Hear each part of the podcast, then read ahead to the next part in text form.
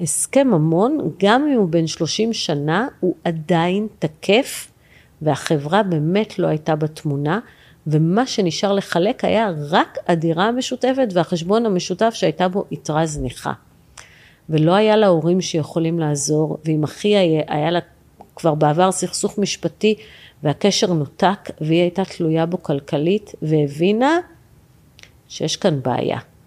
כשאת תלויה בו כלכלית את לא יכולה לאיים בגירושים ואפשר להתנהג אלייך לא יפה כי יודעים שאין לך לאן ללכת. ברוכים הבאים לסדרת השורטקסטים שהם בעצם סיפורים מהבלוג שכל כך אהבתם. האביר על הסוס הלבן התחתן עם הנסיכה הקסומה.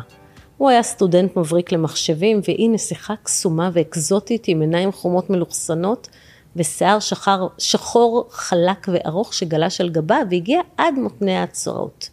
הם הכירו בבר חיפאי והתאהבו עד מעל הראש. היא באה ממשפחה עמידה יחסית, כזו שאנשים מעולם לא עבדו בה, והבעלים נשאו אותם על כפיים. הוא אמנם לא היה עשיר, גם לא עמיד, למעשה הוא היה קיבוצניק, אבל היה לו עתיד מבטיח והם ניסו צעירים והביאו לעולם ארבעה ילדים. דווקא ההורים שלה דרשו הסכם ממון, ולמרות שהוא נעלב בסתר ליבו, הם אה, פנו לעורך הדין של אבא שלה, שערך ביניהם הסכם של הפרדה רכושית מוחלטת.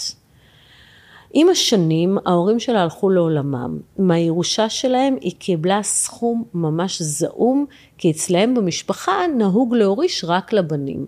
היא ושתי האחיות שלה קיבלו מנה ממש צנועה מהמיליונים של ההורים שלה. הם אה, ניהלו התנגדות בהליך ארוך ויקר, אבל הפסידו, כי ההורים שלה היו צלולים לחלוטין ונישלו את הבנות שלהם מרצונם החופשי, וככה זה עם מורשה, אם זה מרצון חופשי, זה לגיטימי. עם כספי הירושה הם שדרגו את הדירה שלהם מדירת ארבעה חדרים לדירת חמישה חדרים, לא מאוד מפוארת. אה, וזה באמת באחת הקריות ליד חיפה, והיא בחיים לא עבדה. היא גידלה את הילדים והייתה תוצר של בית גידול בו האישה לא עובדת והגבר, כמו שאמרתי, נושא אותה על כפיים. כלומר, מפרנס אותה ביד רחבה. חלפו 30 שנה מהיום שבו האביר נישא לנסיכה. האביר הקים חברת מחשבים שהצליחה מאוד, ובחשבון של החברה הזאת הצטברו מיליונים רבים. הוא זכר טוב מאוד את הסכם הממון שאבא שלה, עליו השלום, דרש, והוא הקפיד להעביר סכומים לא גבוהים לחשבון המשותף שלהם. כאלו שאפשרו לה לא לעבוד אף פעם, אבל גם לא לחיות בלי חשבון. היא כבר לא הייתה הנסיכה דקת המותניים וארוכת השיער מפעם, אלא אישה בת חמישים ששנותיה ניכרות עליה.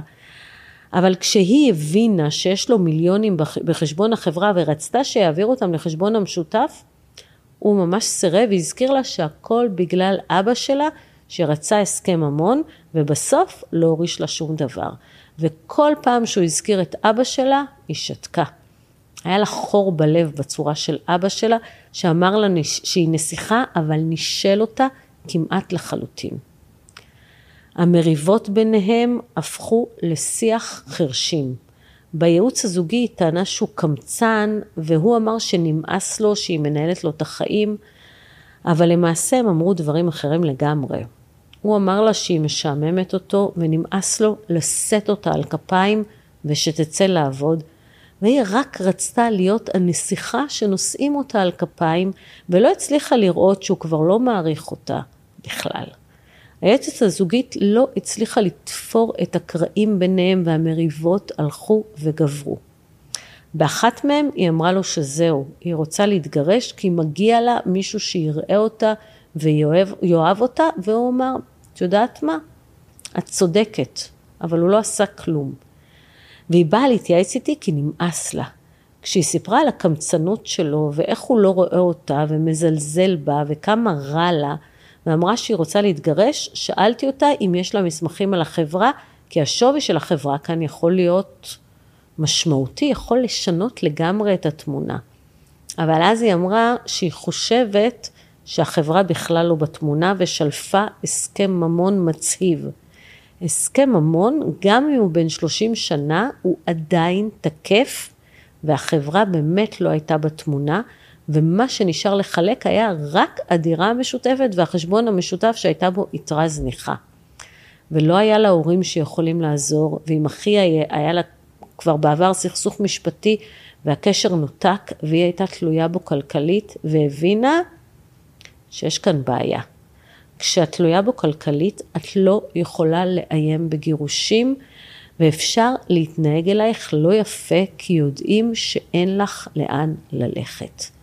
התלות הכלכלית היא כמו שרשרת ברזל שכובלת אסיר, וילדות שמגדלים אותם להיות נסיכות, שנושאים אותם על כפיים כל החיים, הופכות לנכות, כי הן לא יודעות ללכת בעצמן כשרע להן. תודה שהאזנתם לשורטקאסט, אם מצאתם ערך או סתם היה לכם ממש מעניין, אני אשמח אם תעבירו אותו למישהו שיהנה ממנו גם. תודה.